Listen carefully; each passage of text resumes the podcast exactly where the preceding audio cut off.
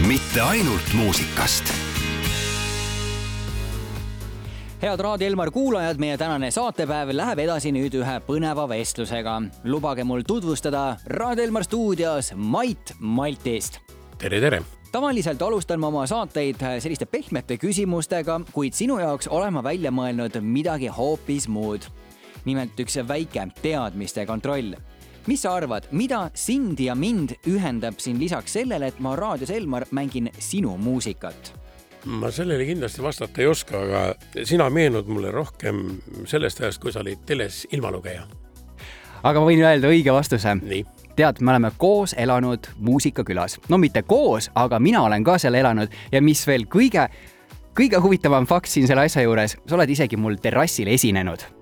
Mitte küll minu jaoks, aga ühe, ühe minu, minu kasuisa sünnipäeval. kohas, mis talus see oli siis? Tuka talu see nimi ei ütle mulle midagi. see jääb teisele poole metsa ja sinna tuleb äh, Ruila poolt minna, et siis, äh, aga muusikakülas on ja sa oled mul täitsa kohe seal koduhoovi peal esinenud, nii et äh, helged mälestused on mul sellest ja nüüd, nüüd ja. edaspidi sa siis äh, mäletad, et kui kuuled minu häält raadios, siis tead, et voh, see on ju oma küla mees. täpselt nii, täpselt nii kui palju on nagu üle, üldse tehtud selle üle sinul nalja, et sina kui muusik oled pärit muusikakülast?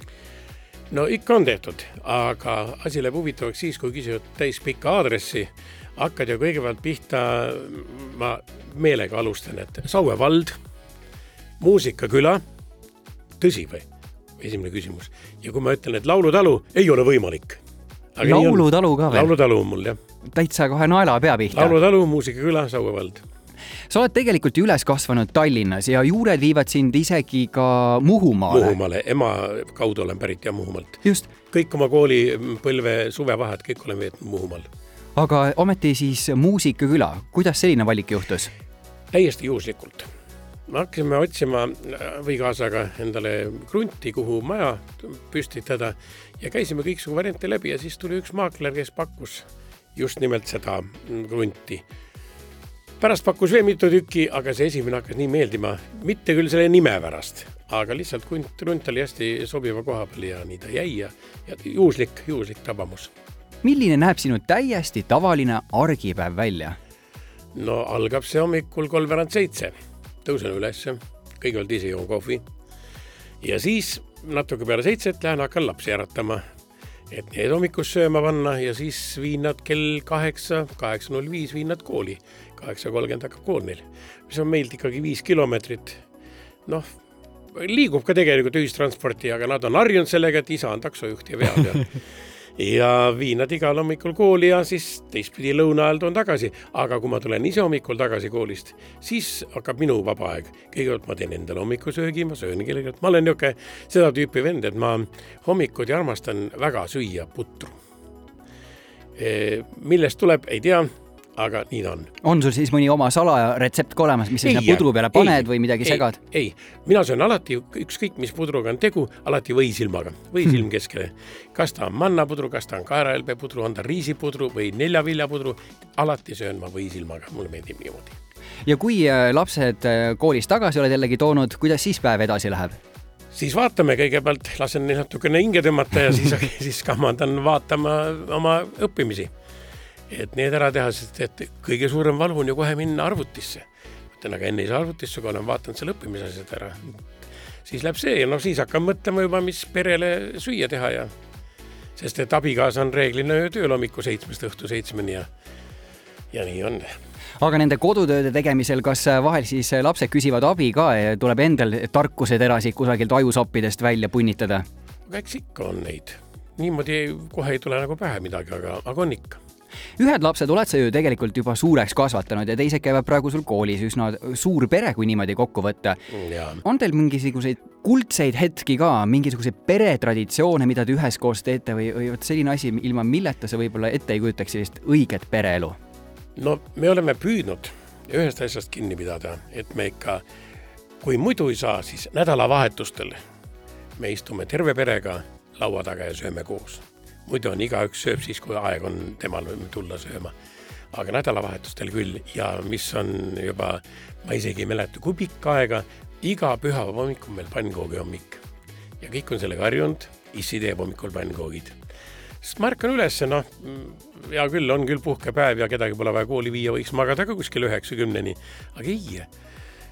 Kuskil hiljemalt kell kaheksa on silmad pärane lahti ja lähedki, hakkad vaikselt toimetama ja viimasel ajal ma olen avastanud väga hea pannkoogi-nipi. ma teen ta kohupiimapastaga, panen taina sisse terve kakssada grammi kohupiimapastat ja lastele nii meeldib see nii et äh, sina oled kohe täitsa selline täiskohaga kokk oma peres. absoluutselt, absoluutselt. tegelikult on niimoodi, et abikaasa õppis mul kolm korda ülikoolis. Kõigepealt tegi Soome filoloogia, siis tegi eripedagoogika ja lõpuks Tartus tegi magistratuuri haridusinnovatsiooni alal. ühesõnaga, ta õppis kõrgkoolis kuskil kuus pluss kolm vist on, kui ma ei eksi, esimene aasta oli, et üheksa aastat ja loomulikult olude sunnil hakkasin mina köögiasju kõiki üle võtma. ma ei osanud algul üldse küpsetada sest et see oli alati naise rida. soolastoidud on alati minu rida olnud, neid ma teen rõõmuga ja leiutan vahel ühte-teist ja nii enam. Aga siis ma õppisin ka küpsetamise ära ja nüüd lapsed ikka küsivad, issi, tee õunakooki. no õunakooki on ju kõige lihtsam teha. Ja, ja siin suure elektri või selle energiakriisi, kus see hind üles taevasse hüppas, eh, sai endal lastud suvel ehitada majja sisse korralik punane tellise ahimeeter kord meeter ja seal sees jäävad kõik lihatoidud, kõik küpsetised kordades-kordades maitsvamad kui elektriahjus vaata, meie saate pealkiri on ka mitte ainult muusikast ja siin praegu pikalt kokkamisest rääkisime. kui aga nüüd siia sissejuhatuse järele paneksime ühe hea muusikapala mängima ühelt Eesti artistilt, siis eh, kelle loo sa valid ja miks? no kohe torkab eh, nagu ette selline härrasmees nagu Koit Toome ta mingil määral oli ka minul, mulle nagu väike laps, sest et Mikko Jakoga nad koos kasvasid, olid meil maal, õppis Koit meie juures ka haamrit käes hoidma, lööma naelu, seinu pintseldama, kõiki neid asju. ja seepärast on kuidagi nagu hästi südamelähedane Koit Toome mulle. Ja kui ütleb, mis lugu panna, siis mälestused, väga ilus lugu temal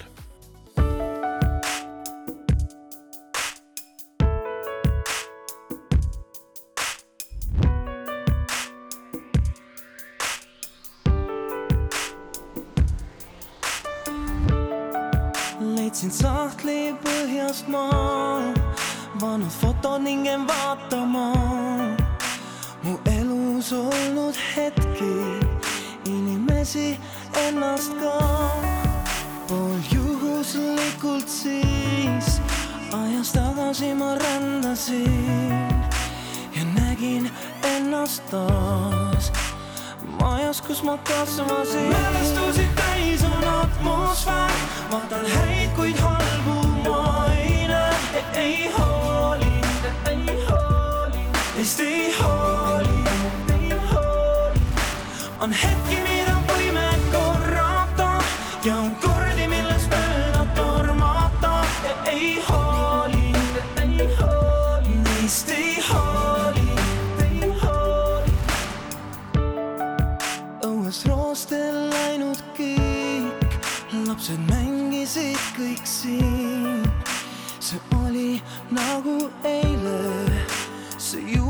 taas minuni. sellel pildil olen ma oma esimese sõbraga. vahel küsin endalt mõttes, mis on temast saanud.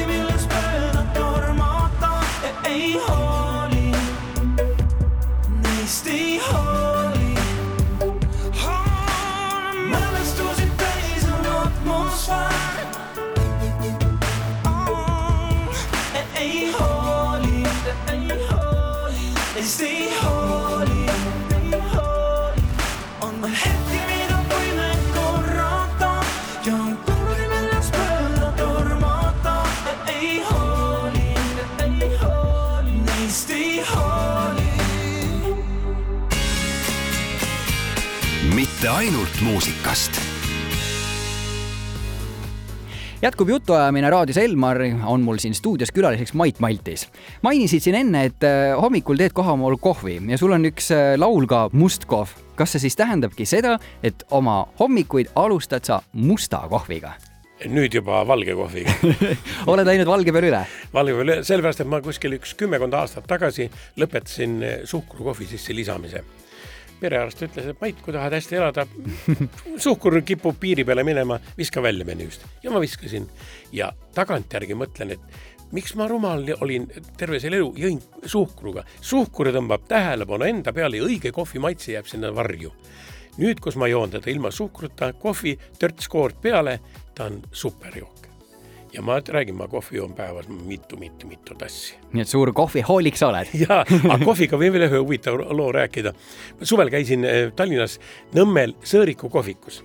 tellisin endale tassi kohvi piimaga või korra valget kohvi küsisin. ise lisasin juurde, et kohvi joon nagu vett. aga teenindaja ei olnud ka suu peale kukkunud. Tema ütleb edasi lisaks vein ja sigaret vot, vot, tsiteerides siin seda kuulsat laulu. jah, just. sa oled ühes oma varasemas intervjuus öelnud, et, et sul pole aega end vanana tunda ja, ja tunned end tegelikult palju nooremana, kui sa oled. mis on see saladus, kuidas sa hoiad siis ennast hingelt noorena või ka füüsiliselt? no füüsiliselt hoiab nooremana kahtlemata see, et ma elan maal ja mul on seal kogu aeg tegemist. aga teisest küljest jälle noored lapsed, mul siiski teisest abielust on ikkagi, nüüd on juba suureks sirgunud, kõige noorem on kaheteistaastane, tütar on kuusteist ja teisest abielust vanem poeg on, saab maikuuses kakskümmend kaks juba. et kõik on juba suured, aga just need lapsed hoiavad et sa oled pidevalt orbiidil, sa pead olema nendel saadaval, nad ikka küsivad issi seda, issi seda, issi seda. naine ütleb küll, et ära tee nende eest kõiki asju ära, ma püüan mitte teha, aga no vahel ikka tuleb niimoodi. et lapsed hoiavad kahtlemata ja praegu on selline mõnus talveromantika aeg, kerge lumekirme on ka siin Põhja-Eestis maas. kas äh, see tähendab seda, et võtad aeg-ajalt ikkagi suusad ka alla ja seal muusikakülas teed paar äh, suusaotsa? meil on toredad naabrid mm, seal, kes veavad meil sõna otseses mõttes maja tee peal ees, tee ääres on kuuseekk ja selle taga on suur viljapõld. nüüd ta muidugi sileküntud. sel, selle peale naabrimees tõmbab oma neljaveolise Audiga ilusad suusarajad kõik talved, kolm-neli talve juba järjest sisse. tunnistan ausalt, sel talvel ei ole jõudnud veel suuski alla panna. lapsed on selle eest palju käinud suusatamas, aga mul meenub ülemöödunud talv, kus oli lund pikalt ja pidevalt ja palju, siis ma käisin praktiliselt neli-viis korda nädalas. sõitsin kuskil kümme kilomeetrit maha seal omal seal põllu peal. see oli, see oli nauding no täitsa Andrus Veerpalu minu vastas siin noh, no nii palju ennast hindaks, aga, aga ei, mõnus oli lihtsalt, mõnus oli sõita. kui veel spordist rääkida, siis tegelikult ju paljud mehed harrastavad ka tugitoolisporti. on sul olemas võib-olla mõni selline spordiala, kui sa näed, et see telekas peal on, et see täitsa kohe naelutab sind teleka ette? no käesoleval ajal muidugi mind ei saa teleka tagant ära, noh, telekas on võib-olla valesti öelda, arvuti tagant, kui on rallivõistlus, siis ma jälgin ma jälgin ralli kõiki kiiruskatseid, kuidas nad lähevad, nii kaua, kuni Tänak püsib rajal. kui Tänak sealt midagi juhtub, masinaga ära kukub, no siis ei ole enam põnev, siis ei vaata. oled sa ise ka kunagi ralliautot proovinud? ei ole, oma autol vahutad vahel rohkem ja proovid rallitamist, aga naine ütleb aitab, aitab, aitab, aitab, aitab kui eh, nüüd vahetame teemat, läheme spordi juurest eh, üleüldse kõikide muude valdkondade juurde, sa oled eh, väga hea laulja, sul tuleb hästi kokkamine välja. ja no siis järelikult ka suusatamine, mis sul veel hästi välja tuleb? no ütleme niimoodi, et ähm, mul omal krundi peale on oma suurmaja ja garaaž ja kõrvalhoone ja siis ma sinna teise krundi nurka, mul on viis tuhat ruutmeetrit krunt suur, pool hektarit. ehitasime üks äkki mingi viis aastat tagasi või kuus aastat tagasi saunamaja, kolmkümmend kaks ruutmeetrit põhjapinnaga, niisugune ilus suur. ja kui ma läksin seal valda nagu registreerimise ehitust, ütles, et aga pange saun elamu, siis võib seal sees ka elada. nii ma paningi ja ämm läks sinna elama nüüd. et ämm elabki seal saunamajas. et selle ma olen täiesti ilma igasuguse projektita oma peast ehitanud valmis ainukene abi mul oli vajalik füüsiline abi, kui me hakkasime sarikaid panema, siis mul tulid sõbrad appi, muidu kõik olen üksi teinud ise seal majas. aga kas praegu ämm ikka sauna lubab tulla? ei, saun on meil omal majas, temal pole sauna tema elab selles saunamajas lihtsalt praegu ka nädalavahetus käsil on ja eestlased on ikka suur saunarahvas. kas sul on ka sauna juures mingisugused rituaalid, et vihtlemine käib kindlasti asja juurde või saunaeetrid? kuidas sa naudid sauna? eetrit ma kasutan küll leilivee sees, aga ma ei vihtle eh, sellepärast, et mul on palksaun, palksein ja ma tean väga hästi, kuidas vihtlemine määrib, see seina ääres ja puhtaks saada on päris raske. aga kui mulle vanasti, vanast alus, kus nüüd on mul eksnaine ja pojad, seal oli puiduga köötav ahi, siis seal sai küll viheldud, seal oli tavaline laudvooder sein, tühja sellest. aga nüüd ma oma majja lasin ehitada või panime paika elektrisauna. Ma naudin elektrisauna ühe asja pärast. temperatuur on stabiilne ta ei käi üles-alla, puiduga küttes, kord on nii tuli, et ära sisse ei astu ja samas on nii lahja, et ootamine jälle uumeneb uuesti. et äh, ei, mingeid rituaale nagu ei ole. küll on rituaal see, et meil on saunapäev pühapäev, mitte laupäev, nagu mujal tehakse sest vaat harilikult ma olen reede-laupäeval tööl ja siis on pühapäeval hea teha sauna ja pühapäeval, esmaspäeval puhta ihuga kõik tööle ja kooli sa oled enda kohta öelnud, et sa pole suurema asi reisija, küll aga meeldib sulle palju Eestis ringi liikuda noh, autoga sõidame jah, me perega koos, kõigile meeldib väga.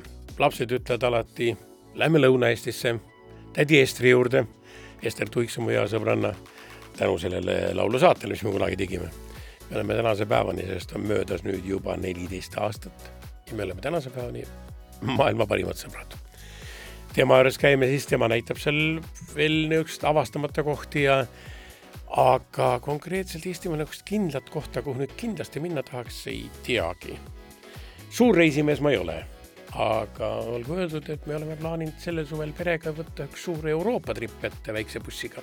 see on nüüd esimene katsetus, sest mul eh, teisest abielust vanem poeg Margo on superreisi eh, organiseerija ja tema on punktuaalselt kõik paika juba pannud, mis nii viga toimetada ta on fantastiline reisikorraldaja, see on üks kaduma läinud Anne, aga talle meeldib muusika, noh.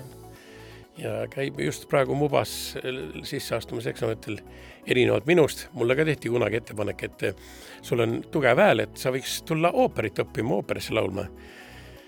mõtlesin hetke ja mõtlesin, et aitäh. See tuli ettepanek mulle kuskil kolmekümnendal või kolmekümne viiendal eluaastal, kuskil niimoodi. ma ütlesin, et teate, ma olen juba nii palju Mm, laulnud, et ma vist ei hakka muutma oma žanrit enam. aga poeg, oh üllatust, lähebki Mubasse, õpib ooperilaulu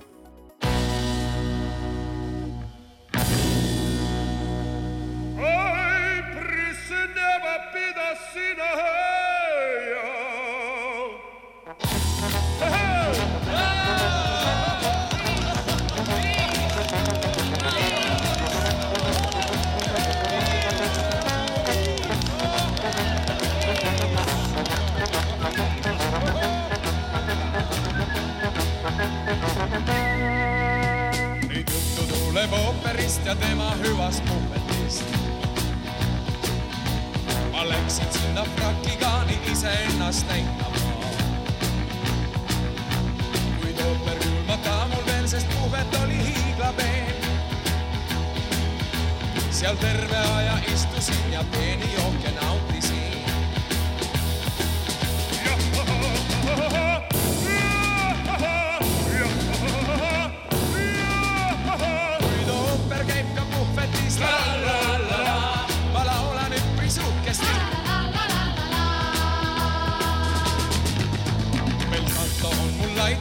ma sellel alal võitmatu. ja hinges mul Itaalia ning südames Veneetsia. fassaad on minul korralik, võib-olla veidi norralik. kuid miks mind pole märgatud ja lava peale torgatud?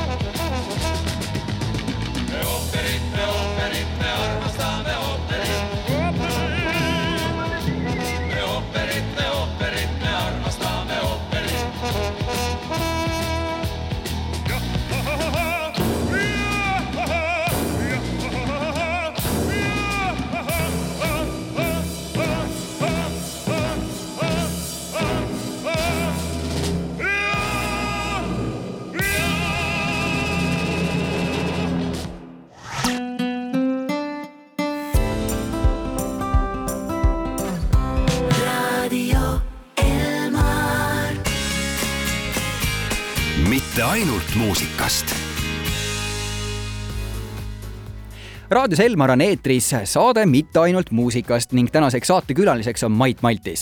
Mait, sina kui elupõline muusik oled korduvalt igal pool üle Eesti lavadel esinenud. kui palju on sul aga endal olnud neid võimalusi, et lähed kellegi teise kontserdile või hoopiski mõnele muusikafestivalile? no ikka on olnud neid, aga no sa pead need ise välja otsima ja valima ja leidma ja ja nagu ma ikka ütlen, ma olen kõikesööja. küll aga ma ei ole kunagi käinud ooperis balletti ka pole käinud vaatamas. aga muidu jah, ikka kuulan nii palju kui võimalik kolleege. siin viimastel nädalatel on Eestis väga aktuaalne teema olnud Eesti Laul. kui palju oled sina jõudnud seda jälgida, on sul ka võib-olla mõni oma lemmik seal?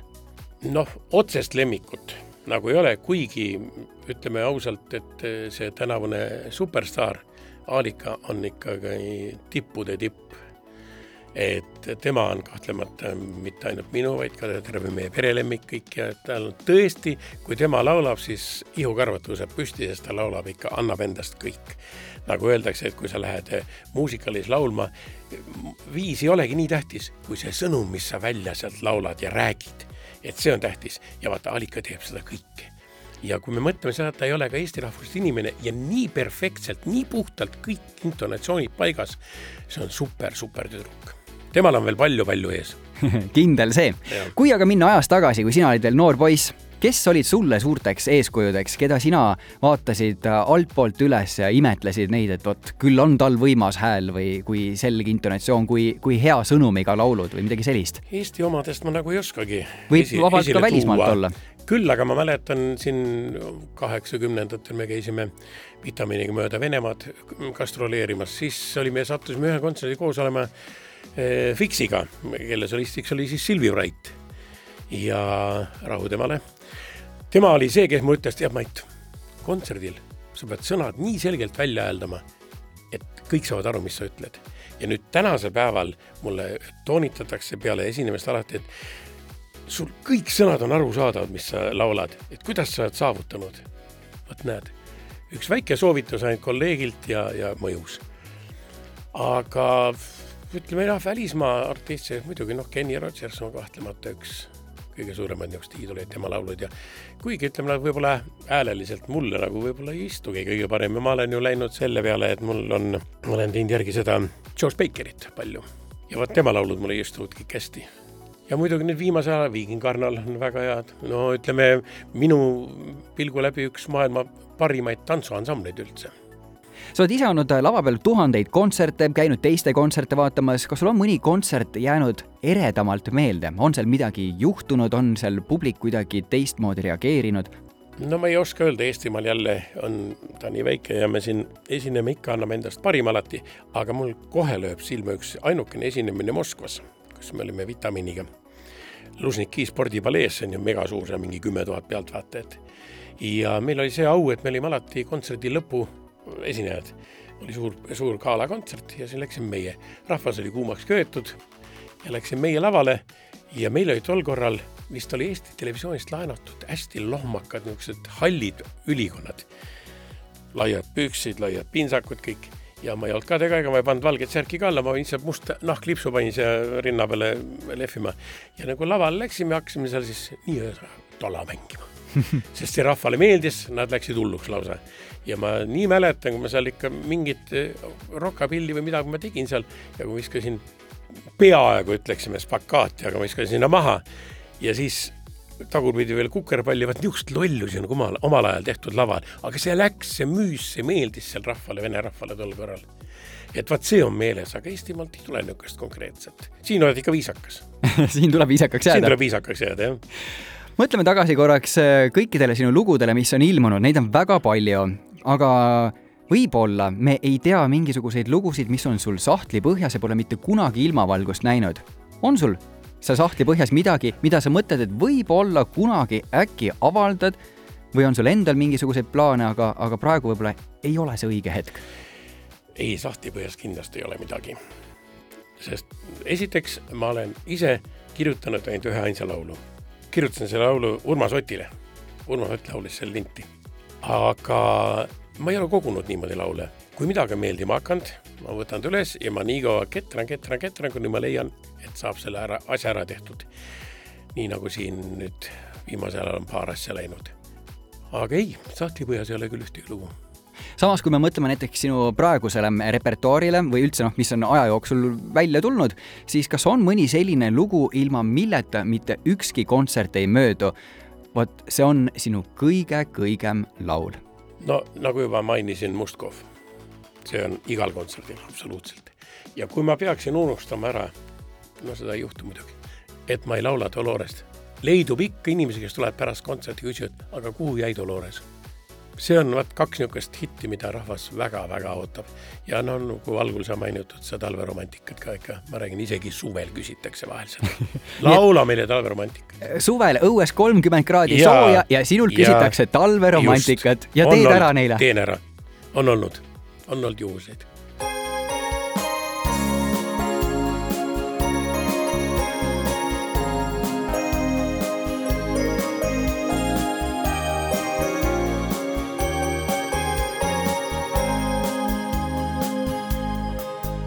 väljas langeb lund, noorina looklevad teed. käes on õhtutund, sind üksinda ootan akna ees. siin on hea ja soe, jahedus siiski hinge mulle poeb. kamina ees ma istun nüüd ja tunde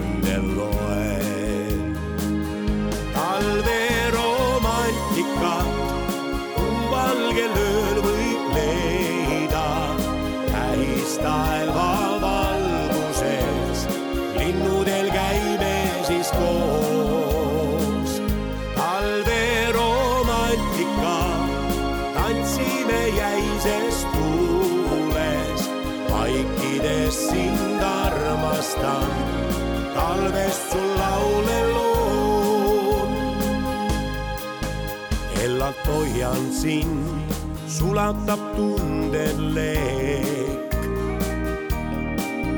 kaigub kesköötund, uinuda me ei suuda veel.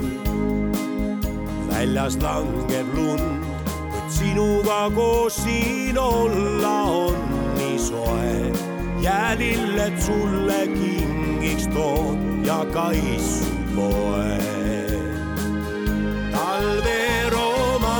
talveromantikat valgel ööl võib leida täistaeva valguses. linnudel käime siis koos.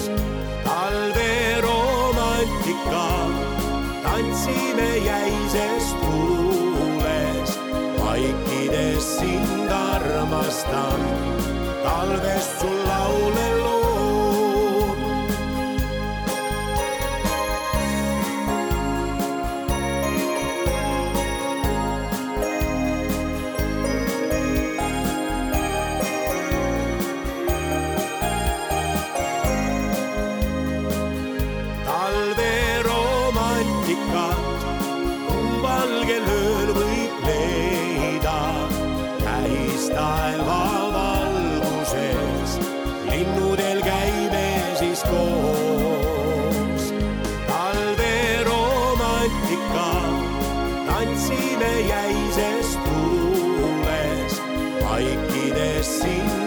laule loon.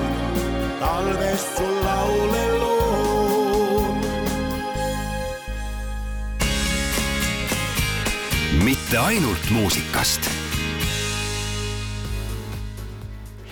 raadiois Elmar jätkub tore jutuajamine Mait Maltisega, saatejuhiks Henri Laumets. Ja ma ikka igaks juhuks uurin sult, et kas sul on lubatud kõigest rääkida, et enne kui sa siia raadiosse Elmar kohale tulid, abikaasa ei lugenud mingisuguseid sõnu peale, et Mait, hoia nüüd ennast? No eks natukene ikka loe, loeti kodus ette, et vaata, et mingit jama kokku ei jutusta seal ja ma ütlesin, et ole nüüd rahulik, selles eas enam ei jama ei tehta. Sul on veel mõned päevad sünnipäevani minna ja teame seda näiteks avalikult, et kahekümne kolmandal on sul sünnipäev, kahekümne kolmandal veebruaril, aga tegelikult on selle kuupäevaga üks teine lugu.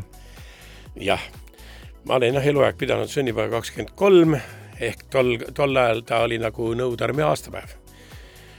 ja ka siis eh, ema käest sain teada, et me oleme kaksikud õega, õe Reedaga, et Reet sündis viis minutit enne kahteteist öösel, mina sündisin kümme minutit peale kahteteist öösel. aga tol ajal pandi esimese ilmale tulija järgi kuupäev ja nii saigi, kuna me olime kaksikud, mõlemale kakskümmend kolm, oleks võinud panna, üks on kakskümmend kolm, teine kakskümmend neli, ei pandi mõlemale kakskümmend kolm. nii et tegelikult ma loen ennast, ma olen vabariigi aastapäeva praegu sündinud, kakskümmend neli veebruar. seega passis on sul kahekümne kolmas veebruar aga sünnipäeva tähistad kahekümne neljandal kakskümmend. neli jah, nii on, vot see on üks huvitav fakt, seda ma ei teadnudki sinu kohta. kuid võtame korraks veel sinu äh, muusiku elukutse ette. millal sa tundsid, et sind hakati tõsiselt võtma kui muusikut? ma arvan, et see sündis ähm, ansambliga Lüürikud. See oli siis kuuekümne kaheksandal aastal, kui alustasin. poisid kohe kutsusid, ma ise õppisin Tallinna Gümnaas keskkoolis ja sealt tuli poisid mõned sealt, et Mait, tule meile solistiks, noh. ja kõik meeldis, läks lahti ja siis me tegime hästi palju koolis tantsupidusid, laulsime ja kõik läks hästi, rahvas, rahvale meeldis ja, ja fantastika lihtsalt oli.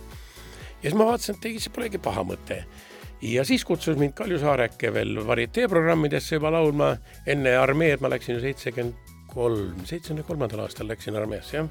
ja laulsin seal küll Kihnu jõnnis Pirital laeva peal varietees, Viru varietees laulsin, hiljem laulsin veel ka olümpiavarietees.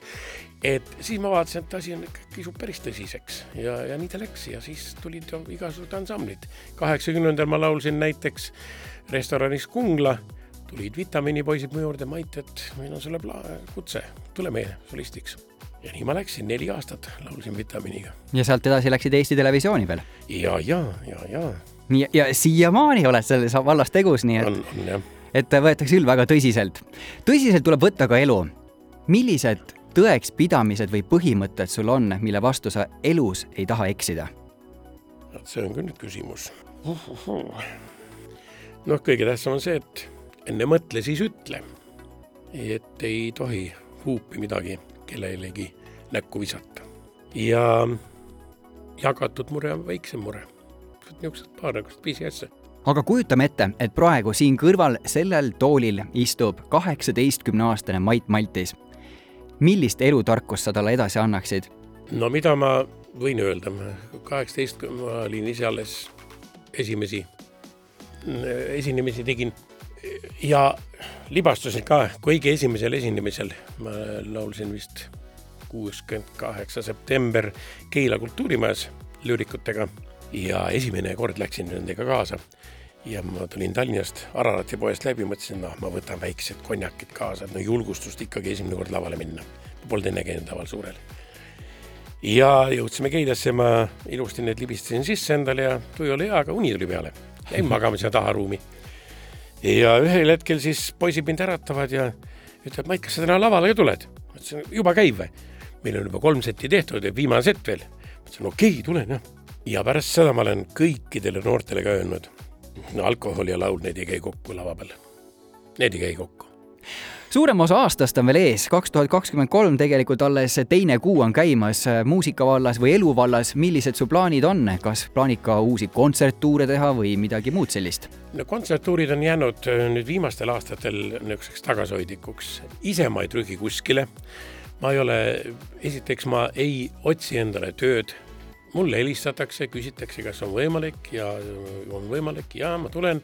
ühesõnaga mind otsitakse, kutsutakse. Üks on tõesti, mis on paigas, on jah, on juulikuus. juuli teises pooles meil on, tuleb kordusele, sõnas mõttes tuleb kordusele novembrikuised tuurikontserdid, kus me olime koos Ivo Linna, mina, Karl Madis ja Meelis Punder ja ansambel Horoskoop. Need möödusid väga edukalt, kõik läksid täismajadele ja nüüd tehakse needsamad kontserdid, nüüd juba neli tükki tehakse vabas õhus. lõpetuseks on mul üks äh, hästi tähtis küsimus. millest sa unistad? noh, see vast ei ole unistus, aga mõtlen sellele, et tervis võiks jätkuda nii, nagu on. ma ei kurda oma tervise üle üldse, ei tarvita ühtegi ravimit, kõik on okei okay., kord aastas käin ilusti arstlikus kontrollis, kõik näitajad on ilusad. et see on kõige tähtsam, kui sul on tervis, siis kõik muu tuleb ise juba, siis oskad elust rõõmu siis tunda. oskad elust rõõmu tunda täpselt. ja nagu näha, sina tunned elust täiel rinnal rõõmu. no ikka tunnen, ikka tunnen. Kuna ikkagi talve kõige külmem kuu on läbi, siis äh, ma soovin, et, et sa saaksid see aasta veel suusad alla ja, ja kui me varem ei kohtu, siis juulikuus ma tulen kindlasti kontserdit vaatama. ja alati, iga kell oled oodatud raadiosse Elmar külla.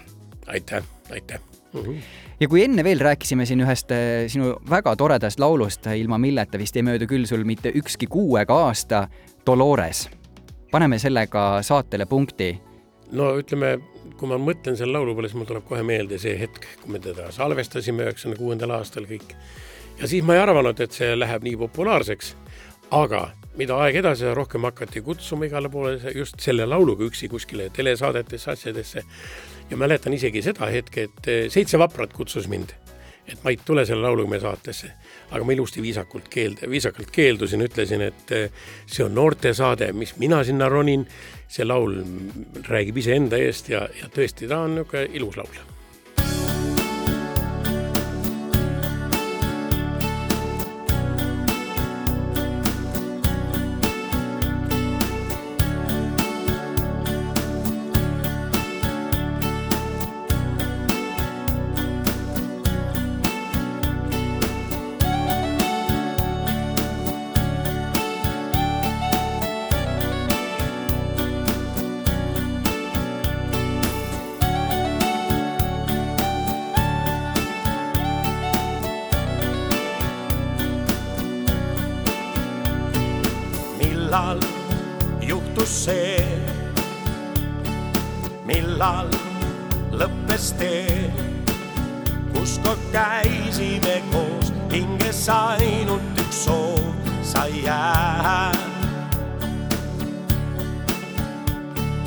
millal närvus roos, miks sooviks?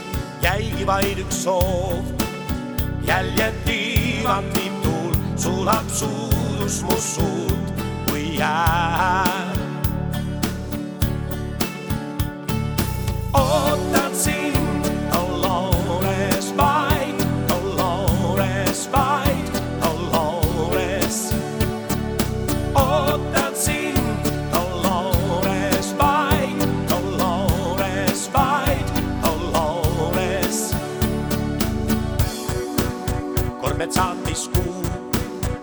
Läbi mustendava öö ja su pilk nii kuum puudutus kui pikselöök sinu vaikset häält ikka kuulen veel.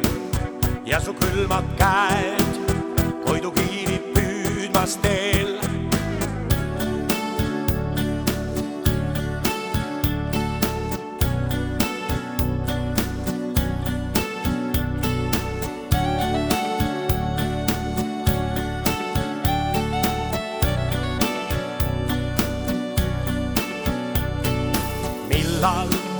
Muutus kõik, millal tulla võis? Sinu otsus nii karm, nõnda kustuda harm ei saa. millal näen sind veel, millal leian tee, mis taas ühte viib meid või jääb tõesti see